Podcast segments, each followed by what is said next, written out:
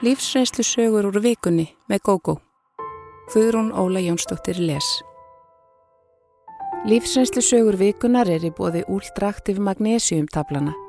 Með úldraktiv magnesiumtöflunum færðu meira út úr deginum, aukna orku, minni vöðvaþreitu og betri sveppn. Úldraktiv magnesiumtöflunar fást í öllum helstu apotekum landsins. Tíu daga martröð Fyrir löngu síðan kynntist ég manni sem ég varð afskaplega hrifin af. Svo hrifin að ég þáði með þökkum bóðhansum að fara með honum í sömarbústað. Við andri hittumst á skemmtistað og smullum saman, eins og sagtir, töluðu mikið það kvöld þrátt fyrir háfaðan. Hann var ekki beint sætur en afskaplega sjarmirandi og virtist afar gáfaður sem ég fann skipta meira máli en útlitið. Hann hafði hætti mentaskóla eftir tvo vetur því honum fannst námið svo forheimskandi og aðeins til þess gert að setja alla í samskona ramma, eitthvað slíkt. Mér fannst hann hafa ferska sín á marga hluti, þótt ég væri honum ekki sammóla um skóla og mentun. Sjálf hafði ég lokið háskólaprófi án þess að nokkra slíkar hugsanir vögnuði hjá mér og var í ágættu starfi. Ég bauð honum nokkrum sinnum í mat og við spjöldluðum mikið saman og tókum einu sinni eða tvísvar marathóngláp og bíómyndir en á þessum tíma lifðu vídeolegurnar góðu lífi. Við sváum saman okkur um sinnum en samt var ég í lausu lofti varðandi það hvort við ættum í sambandi eða ekki. Samskipti okkar voru öll á hans forsendum og ég ofrifin af honum til að átta mig á því og reynlega þakklátt fyrir hverja stund með honum. Andri vissi nánast allt um mig en ég sama sem ekkert um hann. Hann vildi kafa djúft og í einlegni minni sagði ég honum sitt af hverju sem ég talaði nánast aldrei um. Hann var svo skillingsríkur fannst mér og afar gott að tala við hann. Það kom mér ánægulega á óvart um það byrj tveimur mánuðum eftir að við kynntumst þegar hann bauð mér með sér í sumarbústa sem vinur hans átti einhver staðar lengst upp í sveit. Bústaðurinn var afskektur og langt í næsta mannabústað en þarna voru þó helstu nútíma þægindi. Ég bauðst til að sjá um matarinnkaup fyrir þessa tíu daga og hann þáði það. Hann sá um að keira okkur á staðin og útvega bústaðin svo það var bara sangjant. Ég reyndi að kaupa allt sem við gætu mögulega þurft á að halda. Glemdi að sjálfsögðu ekki keksi og salgeti. Spil tók ég einning með og kerti og eldspítur ef verði ramagslust. Morgunin sem hann kom og sótti mig fekk ég örlittla nasasjón af því hvernig næstu dagar yrðu þegar hann sagði hlessa yfir öllum farangrinum sem ég var með og nánast full. Er ekki lægi með þig? Við erum ekki að flytja þennan bústað. Ég hló vandraðilega og sagði að mér liði best með bæði belti og axlabönd. Ég kom dótinu fyrir í skottinu og settist svo inn. Ferðin í bústaðin tók marga klukkutíma og síðustu kílometrana ókum við algjörar vegleysur og alveg greinilegt að á þessum slóðum bjó ekki nokkur sála. Andri fylgti bílin af bensinni á síðasta viðkomustaðnum, ekki væri gott að vera bensinlaust þarna í óbyggðum því það væri ansilöng ganga í næsta mannabústað. Ég sagði húnum að ég hefði sagt mömmu frá því hvert við værum að fara og hún myndi ókýrast ef mér senkaði, einhver kæmi eflaust að leitað okkur. Andri hafði ekki haft hugsun á að segja nokkrum frá þessari ferð. Hann væri vanur því að láta sig hverfa annað slægið og enginn kifti sér upp við það, sagðan. Ef ég hafði haldið að þetta yrði romantísk ferð, var mér snarlega kift niður á jörðina, fljóðlega eftir að við komum á staðin. Bústaðurinn reyndist vera gamalt íbúðarhús, ansi lítið. Vinur hans var ættaður úr þessari sveit, fór þonga með fjölskyldu sinni reglulega á sömurinn og hafði dittað aðeins að húsinu, en ekki mikið þó. Mér leist vel á umhverfið, en síður á bústaðin. Mér fannst hann sóðarlegur og langt frá því að vera kósi. Þetta var eins og að ganga inn í eyðibíli, þar sem hafði glemst að flytja húsgögnin með. Svefnherbergin 2 voru þó í góðu lægi. Annað var með tvíbreyður rúmi og hinnu var svepplás fyrir fjóra í tveimur kójum. Andri spurði hvort mér væri sama að ég svæfi í kójuherberginu og hann fengi herbergi með rúminu og ég samþykti það. Í leiðinni kvatti ég allar vonir um romantik í huganum, full vonbreyða. Það var kallt í húsinu en Andri kvektu upp í kaminu í stofinu og mér hittnaði smám saman við að taka upp farangurinn. Við settum ískápin í samband og ég raðaði matnum inn í hann og bjóð síðan um mig í kójuherberginu.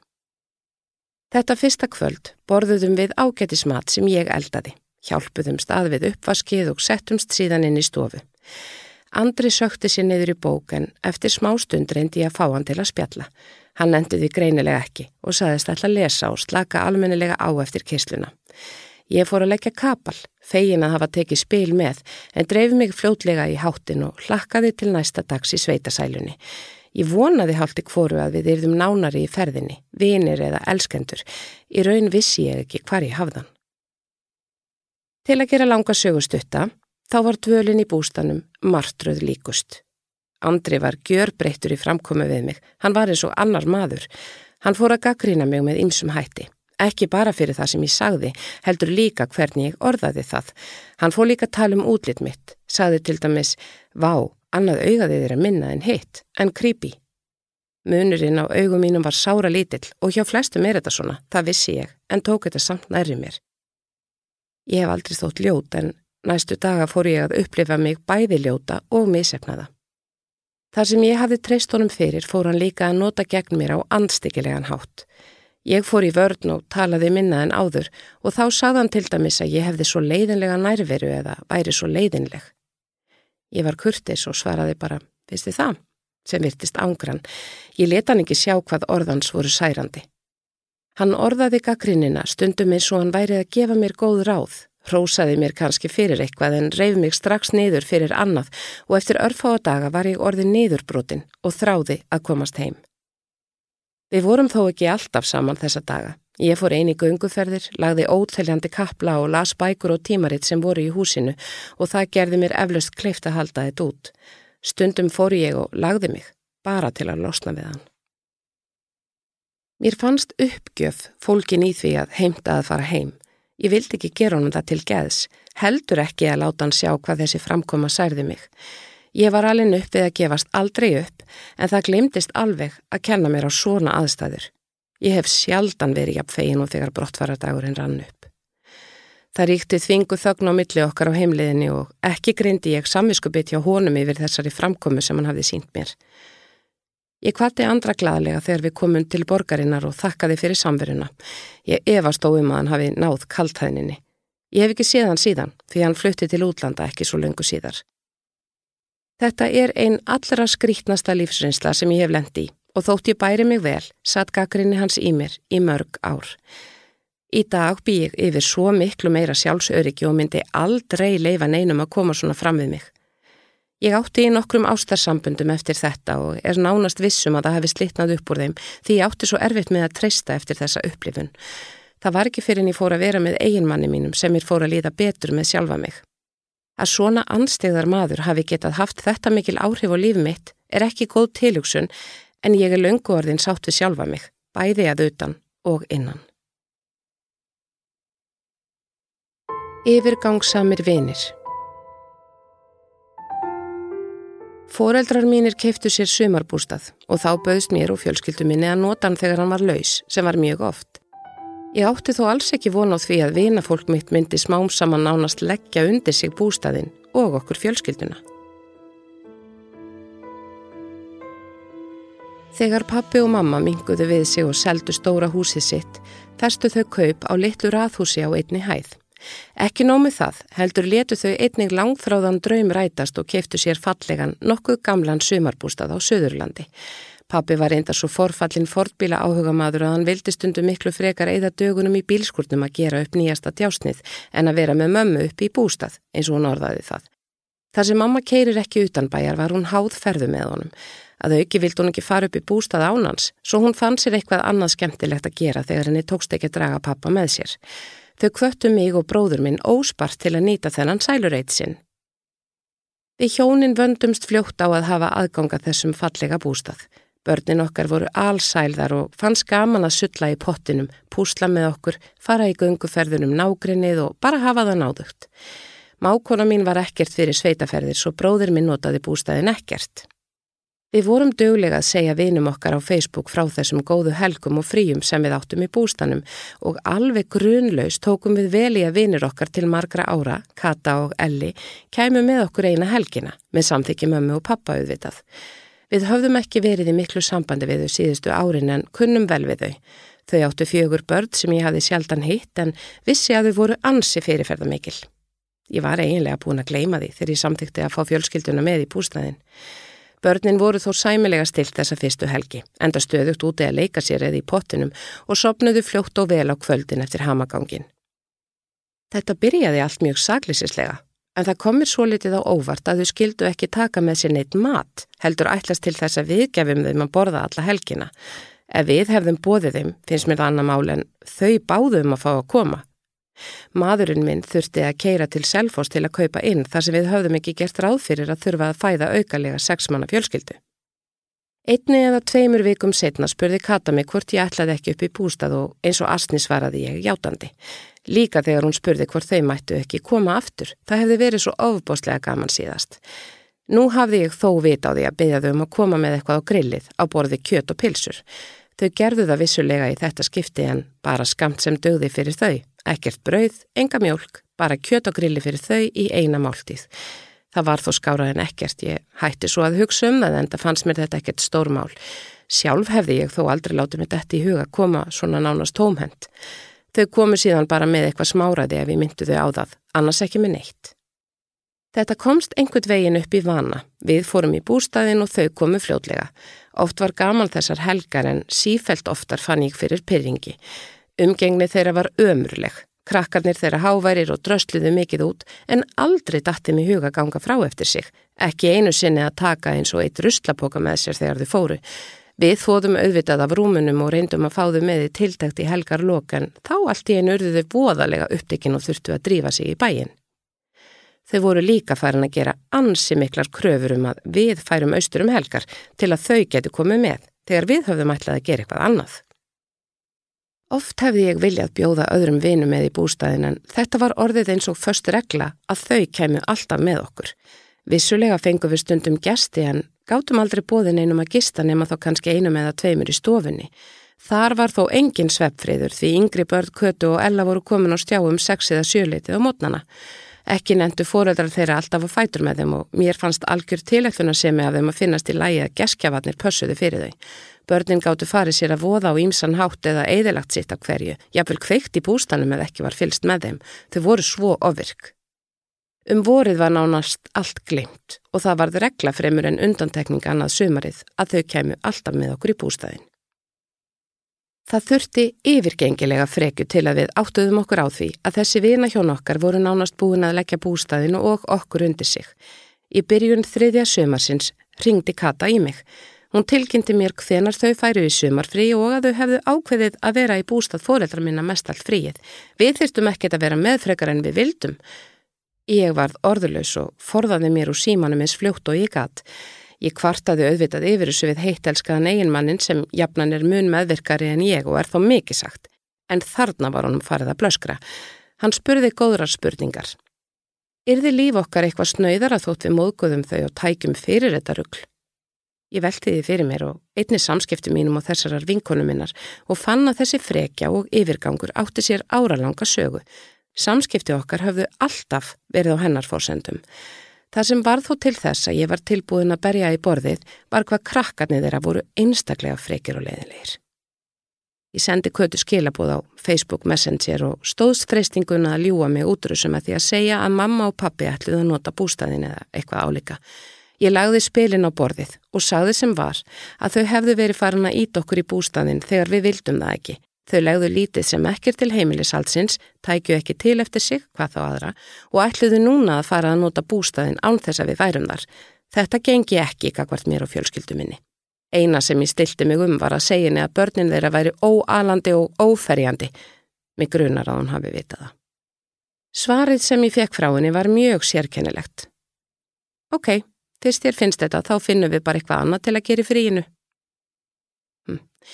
Ég líti á þessa vinkonu mína sem fyrfirandi vinkonu núna, en hún virðist telja við séum bestu vinkonur áfram og segir það hverjum sem heyra vill. Ég skilða ekki og allavega er umgengni núna á mínum forsöndum, eða lítil sem engin, en ekki hennar. Óvænt vinslitt Þegar tvær góðar vinkonur mínar eignuðust maka með stuttu millibili, breytist framkoma þeirra í minn garð og innan árs voru þær hættar að tala við mig. Ég ætlaði að kalla vinkonur mína Rósu og Fjólu í þessari frásögn. Rósu hafði ég þekkt síðan á ullingsárunum. Við vorum nánar og góðar vinkonur. Fjóla kom setna til sögunar og varð góð vinkon okkar begja. Í háskólanámi mínu kynntist ég manninum sem nokkrum árum síðar varð fyrfirandi eiginmaður minn. Við eignuðumst tvö börn áður en við skildum í mestu vinóttu. Ég fór að vinna hjá stóru fyrirtæki eftir útskrift og árið setna sótti ég um og fekk starf sem deildarstjóri. Setna útvegaði ég Rósu starf á deildinu minni, enda var hún hörku dugleg og samiskusum. Sumir segja að maður eigi ekki að vinna með vinum sínum en í þessu tilfelli virtist það í lægi. Skömmu síðar kom fjóla í vinnu þarna og var strax góð vinkun okkar. Við vorum allar einhleipar og fórum oft saman út að skemmt okkur. Sumarið sem fjóla fór að vinna með okkur einkendist af miklu skemmtanalífi. Ég var frjálsins og fugglind fyrir sinir mínir voru nánast allt sumarið að heiman. Pappið er að hafið flutt til útlanda fljótlega eftir skilnaðin og þeir völdu allsælir hjá honum í tvo mánuði. Bæði Rósa og Fjóla voru ballusar. Ég vissi að þær langaði báðar að eignast maka og börn en sjálfa langaði mig að eignast góðan vin eða kærasta. Ég var ekki sérlega spennt fyrir sambúð og fleiri börnum.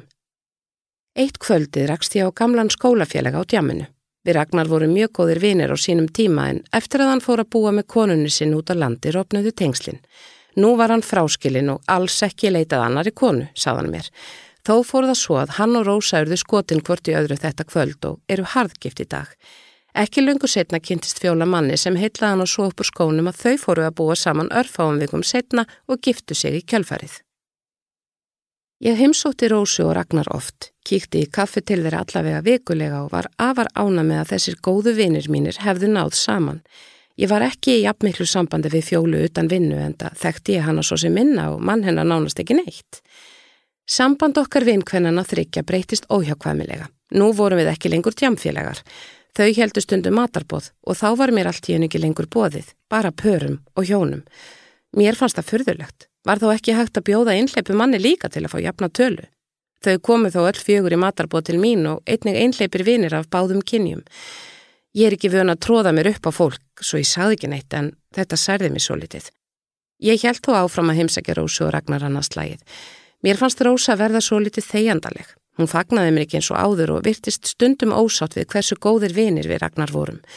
Ég leit á Ragnar sem bróður, eða algjörlega kynlösa veru og fannst eigin menn vinkvenna minna sannlega ekki eftirsóknarverðir.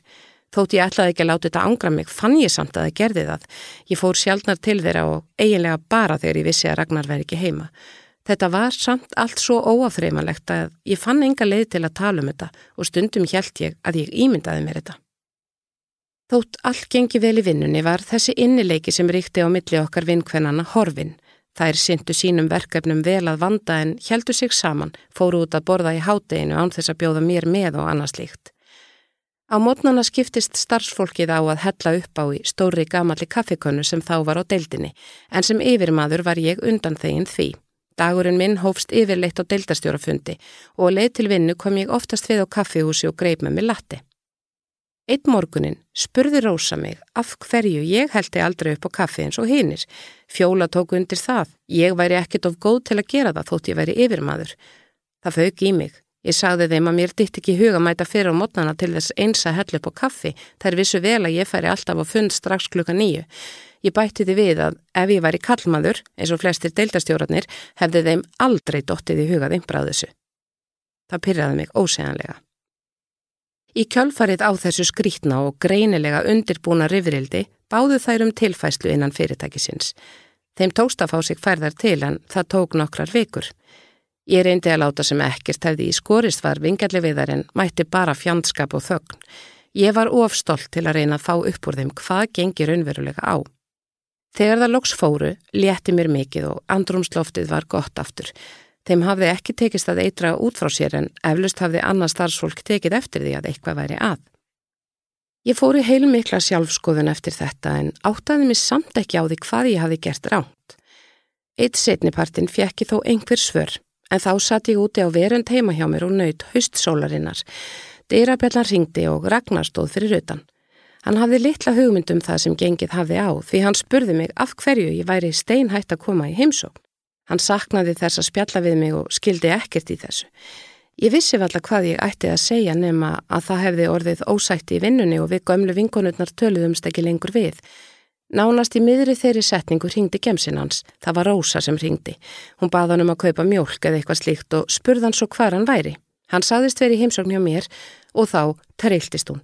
Ragnar færði tólið aðeins frá eiranu vegna hennu og ég heyrði öskur, skammir og grát. Hvað var hann að hugsa? Hvernig ditt honum í hugað heimsækja mig? Mannesku sem eldisti gifta menn? Og svo framvegis. Ragnari tókst að róana og saðist vera á leiðinni heim.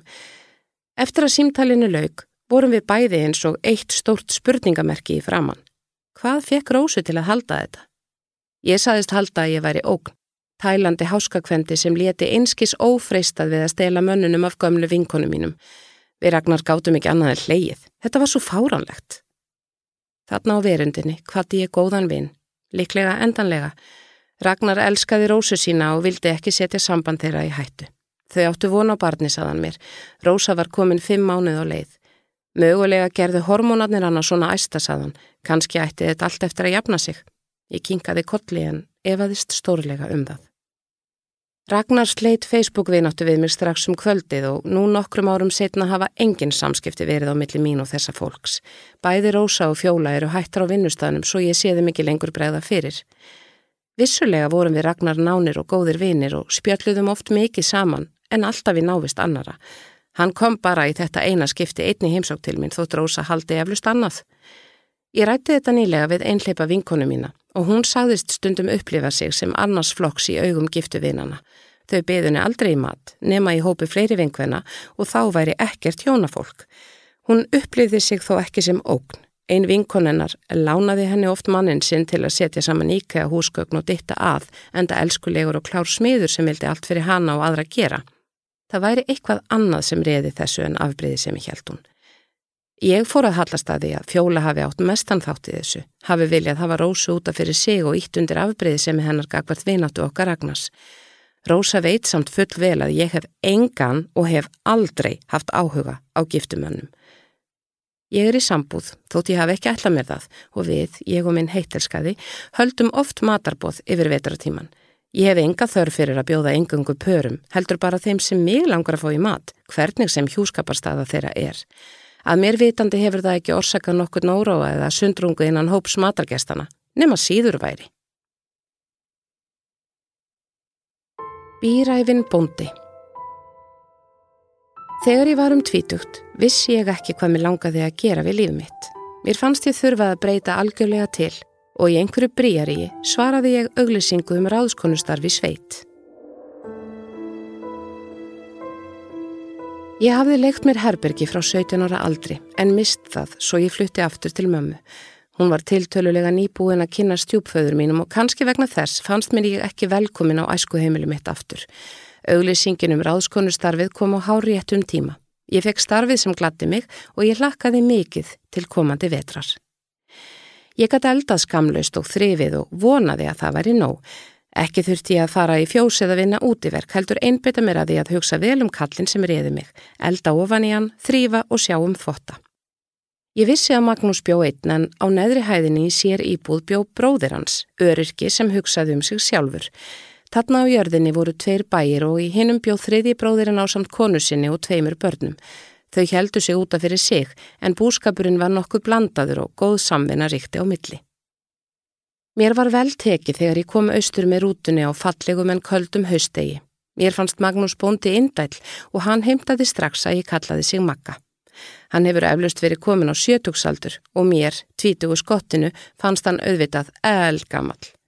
Vinnudagurinn var langur en oft átt ég lausa stund eftir hádegi sem ég notaði til að fara í gönguferður um nákrennið. Ég hafði verið í sveit sem krakki og líka það vel, elskaði hústýr. Gönguferðir mínar enduði yðurlega í fjósinu þar sem ég klappaði kúnum en hundurinn og bænum eldi mig um allt þegar ég var utandira en það kjassaði hann mikið sem hann var ekki vanur. Ég tók slátur þetta haust og söður appa bara sultu, bakaði líka mikið, ekki síst fyrir jól og páska og Maggi virtist harð ánaður með ráðskonuna sína. Sem betur fyrir hafði ég tekið með mér gömlu kjenslupókina mína úr matreslu og notaði hana óspart. Mikið kunni ég þó illa við þegar kallin fór að kalla mig húsfreyjuna. Ég leiðrættan, saðist vera ráðskona, en allt kom fyrir ekki. Maggi hafði aldrei verið við hvern mann kentur, hafði mig skilist og kannski fannst honum þetta fyndið. Ekki löngu setna fann ég að það fór að anda köldu frá fólkinu á hinum bænum eða bróður makka og konunni hans. Ég skildi ekki ástæðuna en reyndi að láta sem ekkert væri. Eitt lögadaginn ákvað ég að baka allskins kaffibrauði miklu magni í fristikistuna. Húsfriðan hinum einátti erindi við makka sem var ekki inni. Ég bauð henni kaffisopa og nýbökuð vínarbrauð sem hún gati ekki staðist. Kurtislega spurð hún mig hvernig mér líkaði í sveitinni hvort þetta væri ekki mikil viðbriði frá borgarlífinu. Ég saði henni að ég hefði verið í sveit sem krakki og finnist mjög gott að komast úr skarkalanum til vors, en ég hafði bara ráðið mig yfir veturinn. Það eina sem ángra mig er að makki kalla mig húsfreyju, saði ég og hló.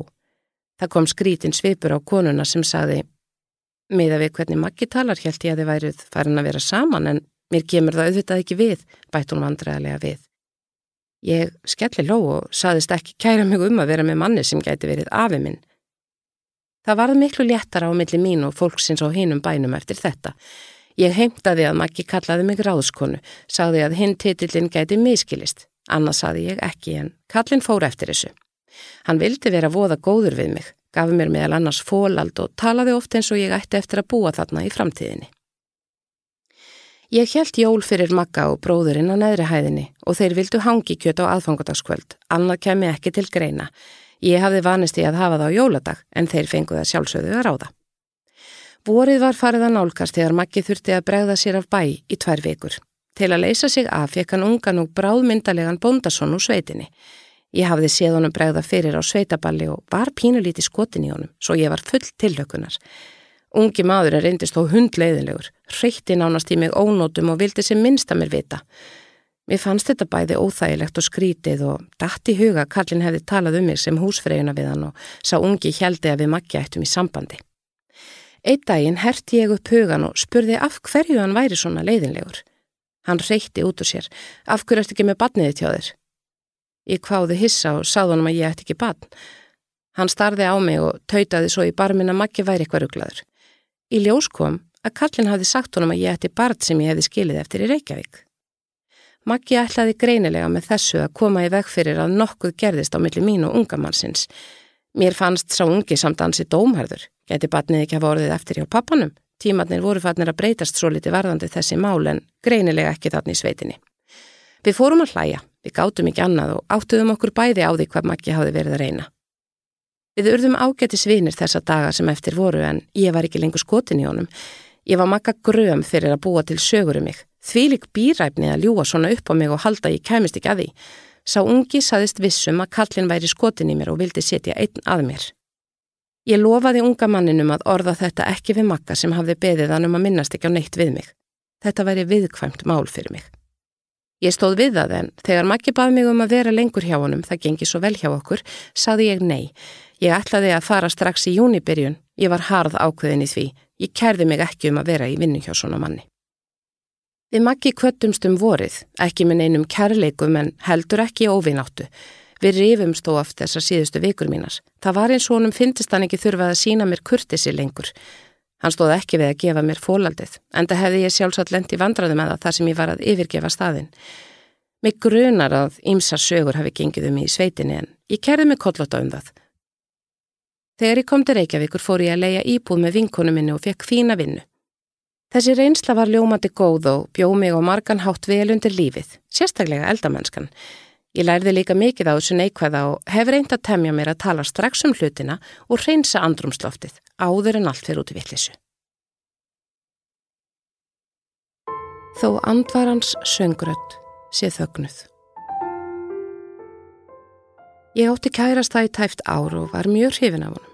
Hann var sérlega náinn fjölskyldu sinni sem mér fannst kostur en fyrir rest var mér farið að finnast að stór galli. Ég kynntist nonna í matarbóði hjá vinkonu minni. Hún þekkt hann ekki mikið en hann var vinnufélagi og góður kunningi frændinar sem dró nonna í matarbóðið. Mér fannst nonni mjög sérmyrandi, ekki bara myndalegur í útliti heldur virtist hann svo góður strákur líka. Síðasti kærasti minn síndi mig litla virðingu og sambandi var allt á hans forsendum.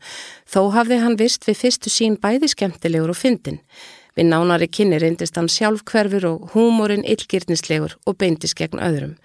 Það var ekki til í nonna að gera lítið úr öðrum, frekar eitt gagstæða.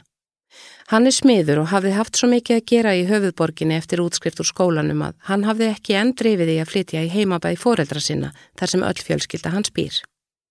Skömmu eftir að við fórum að vera saman kynnti hann mig fyrir foreldrum sínum sem hann var í miklum og góðum samskiptum við, en eitt kosturinn við hann, fanns mér. Hann var nánast fluttur til minni í íbúðana sem ég legði í miðbænum. Nonni bjó líka í leiguíbúð en í hafnarfyrði. Hann fór snemma að tala um að ég flytti til hans eða hann til mín en ég vildi fara rólega í sakirnar. Fóreldrar hans reyndust mikið sóma fólk og þótti greinilega mjög vænt um börn sín og barnabörnin fimm. Þeim fannst gaman að fá að passa og kvöttu börn sín endalust til að koma í heimsókn, kaffi eða mat. Mér var afar vel tekið og leið fljótlega eins og einni af fjölskyldunni. Nonni var eini sonurinn og yngstur. Sistur hans þrjár voru hver annari indætli og hressari. Eftir fyrstu heimsóknina fannst mér eiginlega nóg um allan þennan hressileika og ólíklegt að þetta væri svona alltaf. Með tímanum komst ég að því að svo væri raunin. Við nonni fórum annars slægið út að borða, í bíó eða á pöpparöld. Hann var skemmtilegur félagskapur en ég fann samt stundum að hann hefði frekar vilja vera annar staðar. Um vorið fann ég fyrir mikillir tillökun hjá honum. Sumrin voru alltaf svo frábær saðan. Allar þessar útilegur og bæjarháttiðir sem fjölskyldan færi á. Ég hefði gaman að því að koma með. Ég hafði skemmt mér vel með vinkonu mínum á Ískum dögum eitt árið og vissulega farið á þjóðáttíði í eigum um Vestlunumanna helgi tvísarsinnum en að mæta á flestar háttíði sömarsins fannst mér ansi vel í lagt. Ég let þó undan og fór með nokkrum sinnum. Nonni hefði ábyggilega farið þótt ég hef ekki komið. Fóreldrar hans áttu stórt hjólísi og sýstir hans líka en við nonni vildum vera útaf fyrir okkur og gistum í tjaldvagn í eigu fóreldrar hans. Mikil stemning ríkti. Það var grillað og drukkið, sungið og hleið og drukkið enn meira. Sýstur nonna skiptust á að vera etru til að sjá um börnin sem alltaf voru með í för. Þau þekktu ótrúlega marga á þessum tjaldstæðum og bæjarháttíðum og oft bættust margir í hópin. Dæmigert útilegu kvöld var þannig að við fórum á tjaldstæði. Bílum og hjólisum var lagt í hálgerðan ring þegar hægt var og við sátum í miðjunni og grilluðum eitthvað gott. Fyrir mat, með mat og eftir mat var drukkið. Allir urðu vel kendir en enginn þó út úr drukkin. Eitt tengdasónurinn kunni á gítar og spilaði undir þegar fjölskyldan og fleira fólk á tjálstæðinu fóru að syngja gömul íslensk lög. Þegar ég heyri dagníu, hitt fallega lag Sigfúsar Haldurssonar í útvarpinu, heyri ég alltaf í huganum fólki syngja hástöfu með Elli og Vilhjálmi. Þó andvaran söngröð séð þau högnuð. Ég kunni vel við fjölskyldi nonna og fann skaman að fara með í fyrstu ferðirnar. Þetta var samt algjörlega nýtt fyrir mér en smám saman fóru þessar útilegu og bæjarháttíðaferðir að verða ansileiðigjarnar. Ég er ekki vöndi að verða drukki nánast um hverja helgi eins og þau en ef ég afþakkaði drikk fekk ég að heyra hva, ert ekki stuði? Og undrandi augnar áð allra beintust að mér. Ég fór að treyna mér eitt bjór allt kvöldið og enginn virtist taka eftir því. Ef ég íjaði að því að gera eitthvað annað um helgar var nonni beinlinis hissa, hann vissi ekkert skemmtilegra en þetta. Ég kunni vel að meta að hann skildi koma með mér á kaffi úr svo slíkt og vildi endurgjaldunum með því að fara með í útilegurnar en um mitt sumar var ég farin að hata þessar ferðir. Mér fannst svo skrítið, reynlega rámt, að öll fjölskyldan færi saman og fyllir í um hverja helgi. Mér hefur endar aldrei liðið vel þar sem mikið er drukkið, þó var aldrei neitt með leiðindi, allir bara hressir, sumir svolítið háværir. Eitt sinn orðaði ég við nonna að það væri óvenjulegt að foreldra skemmtu sér og drikju með börnum sínum eins og pappans og mamma. Hann tók þessu sem hrósi og saði reikin að þau væru einstök og hann vildi hvergi annar staðar vera á sömrina með þeim. Hann leita á það sem drikkjuvandamáli fólk fekk sér í glasi virkadaga en drikja um helgar gengdi allt öðru máli. Hún væri eðlileg. Áður en hann kynntist mér fór hann flestar helgar yfir vetratíman til fóreldra sinna með þeim og þorrablót og aðra vetrarfagnaði á barinn eða hafði það kósi heima hjá þeim. Mér tókst að sleppa við að fara í útilegurnar setni luta sumars en um veturinn fór ég nokkrum sinnum í helgarheimsók til fóreldra nonna. Fram á því höfðum við stoppa hjá þeim hluta úr degi, borða kvöldverð og síðan ekkið í bæin um kvöldið, en nú vildi nonni alltaf gista og eiga kósi kvöld á laugardegi með mér og fólkinu sínu. Eftir dýrindis kvöldmatt voru snakkskálanar fylltar og fólki fekk sér í glas. Stundum var setið við sjónvarpinu en oftast bara spjallað. Þegar þau áttuðu sig á því að mér fannst rauðvin betra en bjórið af vodka í kók, keiftu þau heila rauðvinspjali handa mér. Oft komu gestir, nágrannar eða vinir af staðnum sem fengu sér í glas með okkur. Þessar helgar urðu sífælt kvíðvanlegri og með tímanum fór mér að líða illa yfir meðvirknu minni að gera eitthvað sem ég vildi ekki til að þóknast öðrum. Mér þótti bara svo væntum þetta fólk og reyð mig stundum niður fyrir að kunni ekki gott að meta. Þó vissi ég sífelt betur að þetta væri ekki lífstíl sem hendaði mér. Ég fór að fá hrollvi tiljóksunina um framtíðana með nonna og til að sleppa við helgarheimsóknirnar fór ég að plana eitthvað með vinkonu mínum. Ég sáði nonna að hann væri velkomin með en ég erði ekkert sár þótt hann færi frekar til fóreldra sinna. Hann kaus að fara til þeirra og var stundum svolítið sár út um mig fann ég. Við fjarlæðum skort annað nokkur hratt og þegar fór að líða aðeins á november vissi ég að ég þyrti að enda sambandið, annarkort strax eða ekki fyrir en eftir jólinn til að skemma þau ekki fyrir jólabarninu nonna. Ég var alveg ákveðin í því að segja honum aldrei hversu mikið ég hataði djamhelgarnar, bæði vetur og sömar. Það hefði sært hann mikið. Ekki datt mér heldur í huga reynaða breytunum. Ég fann að hann elskaði þetta jafn mikið og ég hataði það. Óbeitt mín á mikilli drikju og druknu fólki stafar hún efa af því að foreldrar mínir hafa misnótað áfengi síðan í mann eftir mér. Ég var vanræktur krakki og flutti að heiman áður en ég var sjálfráða. Við nonni rættu málinn í lok mánadarins. Ég sagði að við værum svo ólík. Mér þætti afarvæntum hann og fjölskyldu hans en sæi ekki að þetta gengi. Hann sagði eitthvað álíka fallegt og við skildum í mestu vinóttu. Þegar ég rekst óvænt á fólki hans nonna er ég föðmuð og kist, þau erfa ekki við mig að sambandi gekk ekki upp. Ég saknaði nonna og fjölskyldu hans stundum en þurfti ekki annað en að hugsa um útilegurnar til að jafna mig. Ég vonaði að nonni fyndi konu sem passaði betur við hann og það gerðist einmitt fyrir á þessu ári. Ég hef séð á Facebook hjá mömmars og sísturum að hún virtist smell passa inn í fjölskylduna, falli kona og brosandi á öllu myndum. Fyrst eftir sambandslitin velti ég þið fyrir mér hvort ég væri fanatísk á vín, en ég er það ekki. Mér líður bara illa þar sem mikið vín er haft um hönd og forðast slíkar aðstæður. Mér líður þó ekki illa þegar ég fer á bari eða pöppa, kannski af því að ég get látið mig hverfa þegar ég er búin að fá nóg sem ég fannst ég ekki geta gert þegar ég var með nonna og fjölskyldu hans.